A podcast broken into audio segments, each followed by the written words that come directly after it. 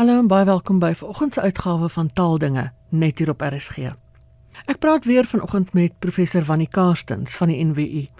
En in die lig van tuisonderrig en tuiswerk, praat ons oor bronne vir taalprobleme. Professor, ons het so tydjie gelede oor norme gepraat, hoekom dit belangrik is, wat dit is en so aan. Ehm um, as prof net weer vir ons sal sê, hoe bepaal mens wat is reg en verkeerd of gepas of minder gepas in taal? Ina, dis een van haar groot vrae wat taalkundiges baie jare al plan. Ons het nie presiese antwoord nie. Maar wat ons maar op die ou end maak, ons maak gebruik van bestaande navorsing. En die bestaande navorsing lei ons in terme van die taalgebruik van besondere taal. Nou is dit natuurlik ook so dat die norme vir Afrikaans nie dieselfde is as norme vir Nederlands en Engels nie, want elke taal is uniek. So wat ons dus eintlik maak, ons kom ooreen dat dit belangrik is om 'n taalvorm te hê wat so wyd as moontlik mee gekommunikeer kan word. Dit is die belangrike ding. En vir daardie keuse maak ons gewoonlik maar gebruik van die standaard variëteit van daai betrokke taal. En dit sê natuurlik nie dat die standaard variëteit die enigste en die perfekte weergawe van die taal is nie want uiteindelik is 'n standaard variëteit maar geïdealiseerde variëteit. Met ander woorde, dit is soos ons wil praat, maar min mense praat regtig so. Maar terwyl van breër kommunikasie is dit wat ons as vertrekpunt gebruik. Nou om daardie norm dan vas te stel, kyk ons na wat sê die navorsing daaroor? Wat is die jongste tendense? En dis nogal baie belangrik as jy 'n bronne saamstel. Jy kennis neem daarvan. Ek kyk byvoorbeeld in my eie boek Norme vir Afrikaans wat die heel eerste keer in 1989 verskyn het en hy het in 2018 is in 'n sesde uitgawe uitgekom. In hierdie bykans 30 jaar moes ek 'n hele paar keer al paar veranderinge maak op subtiele plekke. Iemand soos ek wat nou nou met die boek werk kan dit sien. Die gebruikers gaan dit nie noodwendig agterkom nie, maar oor jare gaan hulle dit agterkom. In ander woorde, vir my keuses vir wat ek in 'n boek sit, maak ek gebruik van die jongste navorsing. En deesdae is daar ander metodes van navorsing as wat ons 20, 30 jaar gelede gehad het. So ons denke oor taal en oor norme wat ons vandag het en wat ons 20, 30 jaar gelede is nie meer dieselfde nie. Dit is nogal baie belangrik dat mense dit weet. En verder is norme twee belangrike waardes en ek dink dis miskien waarby ek en jy vandag aansluit. Twee belangrike vertrekpunte. Die eerste is dat norme vir jou leiding gee. Ek wil skryf dat mense my so goed as moontlik en so wyd as moontlik kan verstaan sonder dat die taal vir hulle beperking word. Met ander woorde, as hulle die teks lees, moet hulle die teks onmiddellik kan verstaan. 100% kommunikasie die eerste keer, soos wyle professor Jan Kommering gesê het. Met ander woorde, dit gee leiding. En en ons lei mense daarvoor op. Maar die tweede een is en dit is wat ek en jy vandag oor die besonder oor gaan praat is, help norme ons ook om om as 'n kontrolebron. Met ander woorde, 'n plek waar jy gaan kyk, is dit reg of is dit verkeerd? Nou ja, as ek sê daai reg of verkeerd is relatief, maar dit is die bronne wat ons het wat vir ons 'n aanduiding gee hoe ons taal moet gebruik. So jy moet hierdie belangrike onderskeid tref tussen norme wat vir jou leiding gee Dit is jy opgelei word.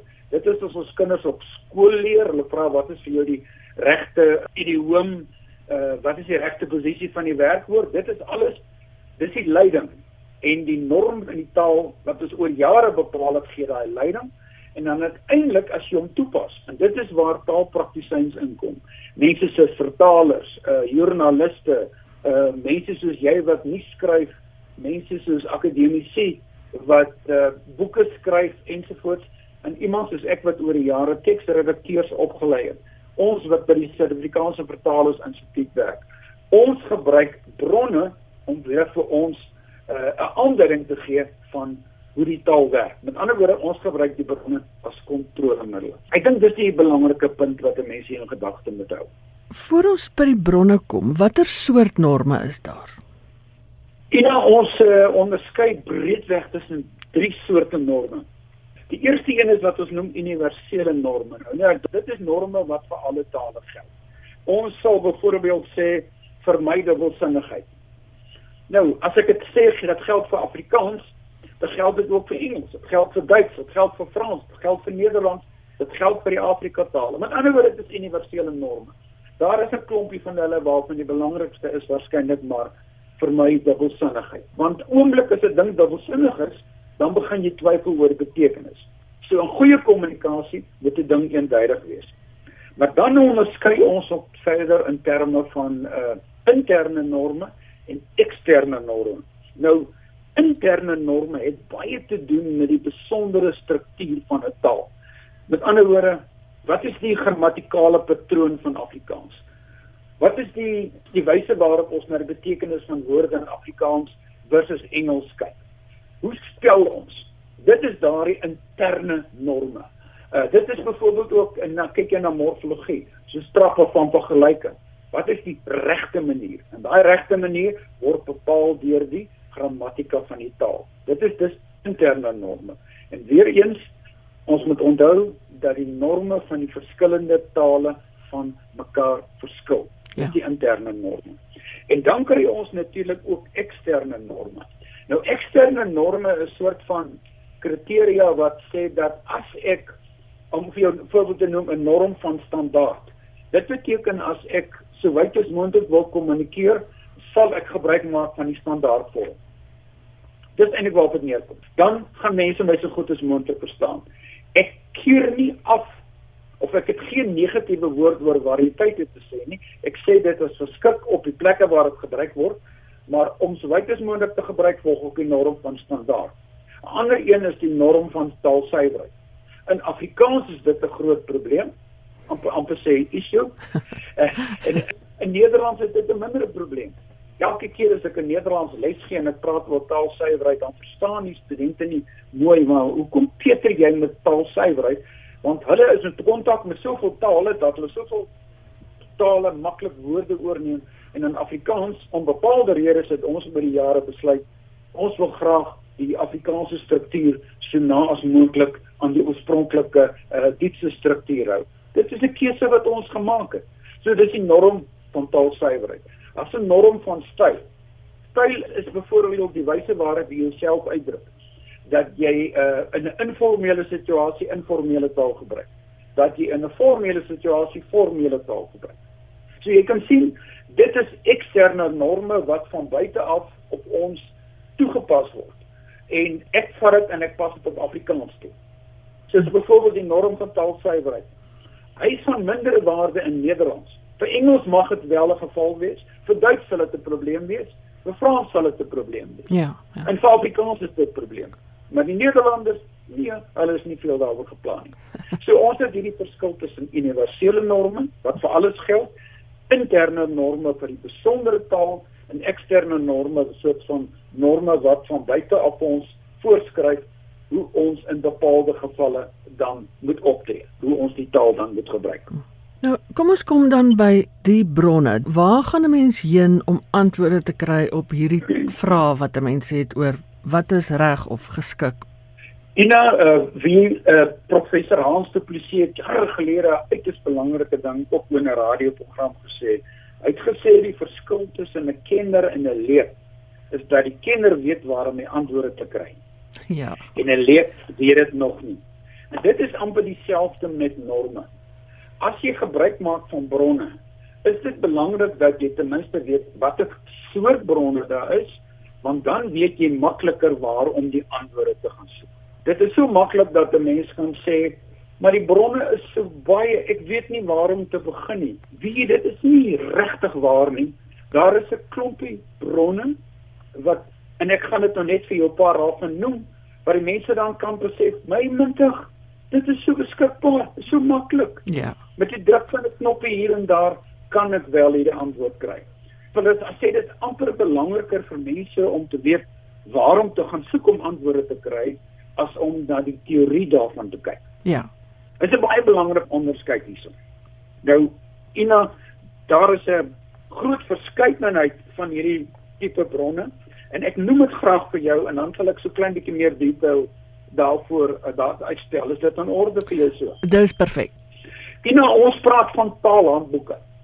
Nou, uh taalhandboeke speel nog 'n baie groot rol by die toepas van interne norme. Nou dit is boeke wat gaan oor sê maar die sintaksis van Afrikaans. Dit gaan boeke oor die morfologie van Afrikaans. Nou die sintaksis gaan natuurlik om die struktuur van sinne. Hoe gebruik jy woorde in sinne? Hoe lyk 'n tipiese Afrikaanse sin? Waar plaas ons die werkwoord? Waar plaas ons die lidwoord? Wat doen ons met die selfstandige naamwoord? Dit is wat kinders op skool leer en dis nogal belangrik. Nou daar is 'n klompie goeie boeke oor oor sintaksis in Afrikaans beskikbaar. Maar daar is ook boeke oor morfologie beskikbaar. 'n Morfologie gaan maar in 'n groot mate om hoe jy woorde uh, verander om aan te pas by byvoorbeeld verkleining, meervoudsvorming, trappe van vergelyking. Met ander woorde, hoe ons woordforme aanpas. Dit gaan ook om die betekenis van woorde. Hmm. Waar kan ek gaan seker maak dat ek weet ek gebruik die woord in die regte betekenis? Want kyk, daar is woorde wat so reg klink, maar hulle is nie altyd die regte woord vir die plek nie. Ja. En dan is dit nogal soms lagwekkend. En dit is nou net as 'n mens praat van skrewe bronne. Ja. Onthou, ek praat nie nou eers van van sprokebronne nie. Jy weet spreektaal, uitspraaktaal nie as ek dan op die radio praat, ek praat nie van fonetiek en fonologie nie, maar daar is ook bronne daaroor beskikbaar. So ons praat dus hier van taalhandboeke en ek sal nou net vir jou een of twee noem en ek noem net jy se kategorieë. Die tweede een is wat ons noem naslaangidse of taalgebruik handleidings. Nou dit is daardie boeke wat uitgewers graag uitgee waarin ervare taalpraktisyns dan vir jou sê hierdie woorde uh, word soms verwar en ek raai aan dat jy hier 'n keuse maak. Kom ek gee vir jou 'n voorbeeld. So moet ek praat van 'n sakeonderneming of kan ek sê maar ek sê ons kan ek maar sê ek het 'n besigheid. Mense twyfel daaroor. Nou om daardie antwoord te kry is nie maklik nie want om die hele grammatika van Afrikaans weer te hardloop om dit te uit te kan uitkom, dan gaan dit net jou natuurlik ontmoedig. En dan kry jy hierdie hierdie naslaanggidse wat ons oor die jare gekry het. Baie ouer mense sal onthou die korrekte woord van professor Haye in van der Merwe. Jare later was daar wyle dokter Anton Prinsloo en wyle dokter François Oudendal se Afrikaans op sy beste. Ons kry 'n sakboek van regte Afrikaans van wyle uh, Johan Spies en Johan Kombrink. Dis daardie boeke het verskriklik goed verkoop. Maar jy kry ook deesdae moderner bronne daaroor. Ek dink 'n een wat ek nou byvoorbeeld die buiterhand hier sou het, is die een skryf Afrikaans van A tot Z die sessie essensiële gids vir taalgebruikers deur Miller en Pistol. Dit is 'n belangrike boek, maar baie van hierdie naslaanggidse, hulle raak vinnig verouderd want die die skrywers hou op gaan uit die akademie sterk en dan word dit nie voorgesit nie. So ou standaardbronne soos Afrikaans op sy beste het in die vroeë 2000s verskyn. En sê die dien is Dr Anton uh, Prinsloo en professor uh, Frans Oudendal oorlede. Niemand het dit oorgeneem. So, nasionale gidse moet die mens baie versigtig interpreteer. Jy moet dus altyd kyk na die jongste. Maar dit is bronne wat in 'n alfabetiese volgorde vir jou 'n aanduiding gee waar jy vinnige antwoord kan kry. En dis ongelooflik belangrike bronne. En dan is daar natuurlik woordeboeke. Nou, ina enige een wat werk met taal in 'n daaglikse hoedanigheid. Joernaliste, onderwysers, akademici, taaldosente, ja ensovoorts. Mense soos jy wat op die radio nuus skryf, taalprogramme hanteer. Ons het almal woordeboeke nodig. En daar is groot verskeidenheid woordeboeke in Afrikaans, want ons onderskei tussen die omvattende woordeboeke, soos die Woordeboek van die Afrikaanse taal, en ek moet van die WAT sê, almal wat regtig ernstig belangstel in Afrikaans, behoort 'n kopie van die WAT te hê. Ja. Jy kan besluit of jy die harde kopie wil hê. Mense soos ek verkies nog dat die ou leerkadrukte band daar op my boekrak staan, maar die jonger mense sê deesdae ek wil 'n e-uitgawe hê. Maak nie saak watter een jy kies nie, kies daardie een. En die WAT is vir ons belangrik want dit dokumenteer Afrikaans in sy totaliteit. Maar dan kry jy ook sogenaamde standaardwoordeboeke. Dit is woordeboeke van beperkte omvang. Die bekendste een is byvoorbeeld uh, wat ek hier voor my het is uh, die antwoordeboek van die Afrikaanse taal. En ek dink reg oor die land is daar mense wat die HAT op hulle rak het. Want dit is 'n een waarin amper 'n uh, 'n uh, keuse gemaak word van gewilde woorde en ons gebruik hom. Maar die belangrikste is jy moet nie die eerste uitgawe op jou rakke en sê ek het HAT nie. Jy moet elke keer as daar 'n nuwe HAT verskyn, moet hom koop. Ja. Anders raak jy agter want die taal verander. Maar ook ons is in 'n meertalige samelewing. Ons werk in 'n land en ook in 'n wêreld waar Engels 'n sterk rol speel.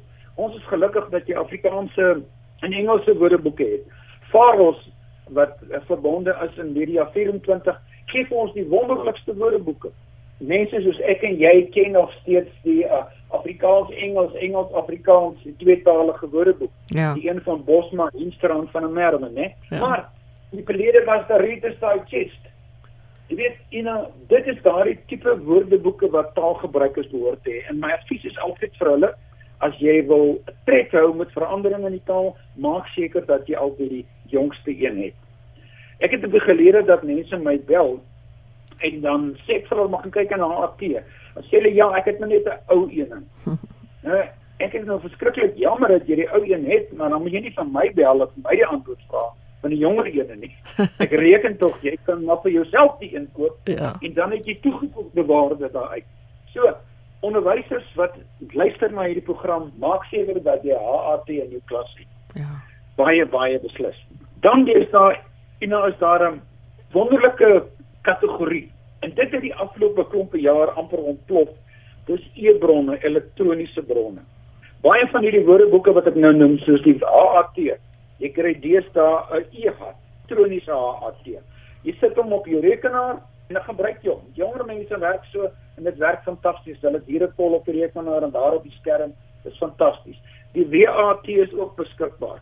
Gebruik dit want ons is in die tyd. Ons is in die tyd waarin ons dit moet gebruik. Ek kan verder ook sê dit lyk asof die uitgawe van die uh WAT wat nou verskyn, die WAT 15 waarskynlik die laaste harde kopie is. Daarna gaan hy net in elektroniese formaat verskyn. Ja. So word bewus van die elektroniese omgewing waarin ons beweeg en gebruik die bronne en dis betreklik goedkoop. 'n Hele klompie jare gelede het hulle begin met speltoetsers. So as 'n klompie gratis speltoetsers. Ek het nou net in in norme het ek opgetel weespel. Ek het opgetel A-spel, my spel. Microsoft het het het 'n spel, het 'n gratis speltoetser. Nou baie van hulle se woordeskat is beperk, maar dit is beter om 'n beperkte speltoetser te hê as geen speltoetser. Ja, absoluut. En dan een waaroor ek natuurlik baie opgewonde is en ook baie trots is want dit het my ou uh, universiteit waarna ek soveel jare verbonde as ontwerp. 'n CTEK, Sentrum vir Tekstegnologie wat die Afrikaanse skryfgoed ontwikkel het. Tans het hulle Afrikaanse skryfgoed 6. En hy is 'n grammatika, styl en speltoets. Met ander woorde jy 3 in 1 en ina vir die prys van omtrent 350 rand Ja. is dit die beste winskoop van die jaar. Mense wat elektronies werk, wat met dokumente werk. Ek laai hulle aan om môre die mense te bel, kyk op die internet op die internet wat die uh, verskaffer is, koop dit en installeer dit op jou rekenaar en gebruik hom. En daar sal vir jou wêreld ook opgaan want hierdie middele middele ma- maak jou dokumente net soveel beter. Ek sweer daarby en ek sê altyd vir mense, ek is trots daarop, maar ek is Ek is ek is een van die uh, mees toegewyde gebruikers van hierdie uh, grammatika styl en speltoetse Ja. en hy word ook gereeld bygewerk. So, hulle is nou op by skryfgoed 6. 2-3 jaar is dit skryfgoed 7. Dit beteken die tegnologie hou tred met ontwikkeling in die taal. Maar dan 'n ander ene, Ina, is uh, een waaroor ek en jy baie gepraat het en waaroor ek net so trots is, is Viva, die virtuele instituut vir Afrikaans. Enige gebruiker wat belangstel in Afrikaans, kyk op die internet. Kry Viva se webblad. Daar is heelwat gratis bronne en dan is daar ook bronne waarvan jy wat jy toegang het, die intekenaar is. En die bedrag per jaar is nie so ontsettend baie nie. Ja. Uh as jy 'n toegewyde taalgebruiker is, doen dit. En as jy vashak, jy kan selfs 'n uh, uh, e-pos stuur na Viva. Uh en sê ek het hierdie spelprobleem of hierdie taalprobleem, wat is jou advies? Daar is self 'n selfoonnommer. Ek gaan dit nou nie hier gee nie. Die mense kan op die internet gaan kyk. Maar die virtuele instituut vir Afrikaans met wat reg gekry het, is fantasties. Onlangs het hulle beskikbaar gestel en ek dink Gerard van Huisteen het onlangs ook met jou gepraat oor die ontwikkeling van die grammatika Ja. en ja. die uh, grammatika vir, vir skoolgebruik. Ina, dis wonderlike middele. Jy hoef dus eintlik nie meer 'n grammatika boek te gaan koop nie. Jy kan eintlik maar gaan kyk wat op Viva se webblad staan. Ons in Afrikaans moet trots wees dat ons hierdie bronne het. Dis ongelooflik belangrik. Dan is daar ook uh, die sogenaamde taalrubrieke. Jy weet weekliks verskyn in uh, koerante van Media 24 taalrubrieke. Mense soos professor Marnay Pinaar, Jana Liter, Fred Pfeiffer, Gerard van Huisteen het die afgelope tyd geskryf. In die verlede was dit Rufus Gous hmm. en uh uh Anton Prinsen en al daardie mense het taalrubrieke geskryf. Daardie rubrieke baie van hulle het boeke geword. Maar as mense net 'n gewoonte daarvan maak om elke week daai rubriek te lees, want onthou jy koop die koerant, jy kan net sowel die taalrubriek lees en ja. dan tel jy iets op wat vir jou van nut kan wees. Ja. En dan natuurlik ook uh radio en televisieprogramme. En dan soos nou, ek en jy praat oor taalsake as mense net die gewoonte maak om elke Sondag hierdie tyd in te skakel en na taaldinge te luister. Mense wat in taal belangstel, dan hoor hulle van nuwe woordeboeke, hulle hoor van nuwe bronne en ek het vandag van bronne genoem wat mense waarskynlik nie eens ken nie. Dit gee dit net vir jou 'n idee. So, maak gebruik van wat daar is, dan kan jy al baie baie ver kom. Ek hoop nou dit gee jou 'n goeie idee van hoe toeganklik bronne is maklik hulle beskikbaar is en wat jy met hulle kan doen. Professor, in watter van hierdie kategorieë sal die AWS val? AWS val so in 'n kombinasie tussen 'n woordeboek en 'n naslaangids. En vir enige een wat oorspelling in Afrikaans wil werk en nie die jongste uitgawe van die AWS op sy of haar rak het nie, doen vir hom of haar 'n enorme onguns. Want daarin word die jongste reëls oor die spelling in Afrikaans saamgevat. Dit was professor Wannie Karstens van die NWU. Dis dan ook al vir vandag. Onthou Vrydag die 14de is Afrikaanse Boekdag. Gaan maak gerus 'n draai by Boekwinkel en skaf een aan. Geniet die res van die Sondag in RSG se geselskap. Bly veilig, bly gesond en van my Ina Strydom groete tot 'n volgende keer.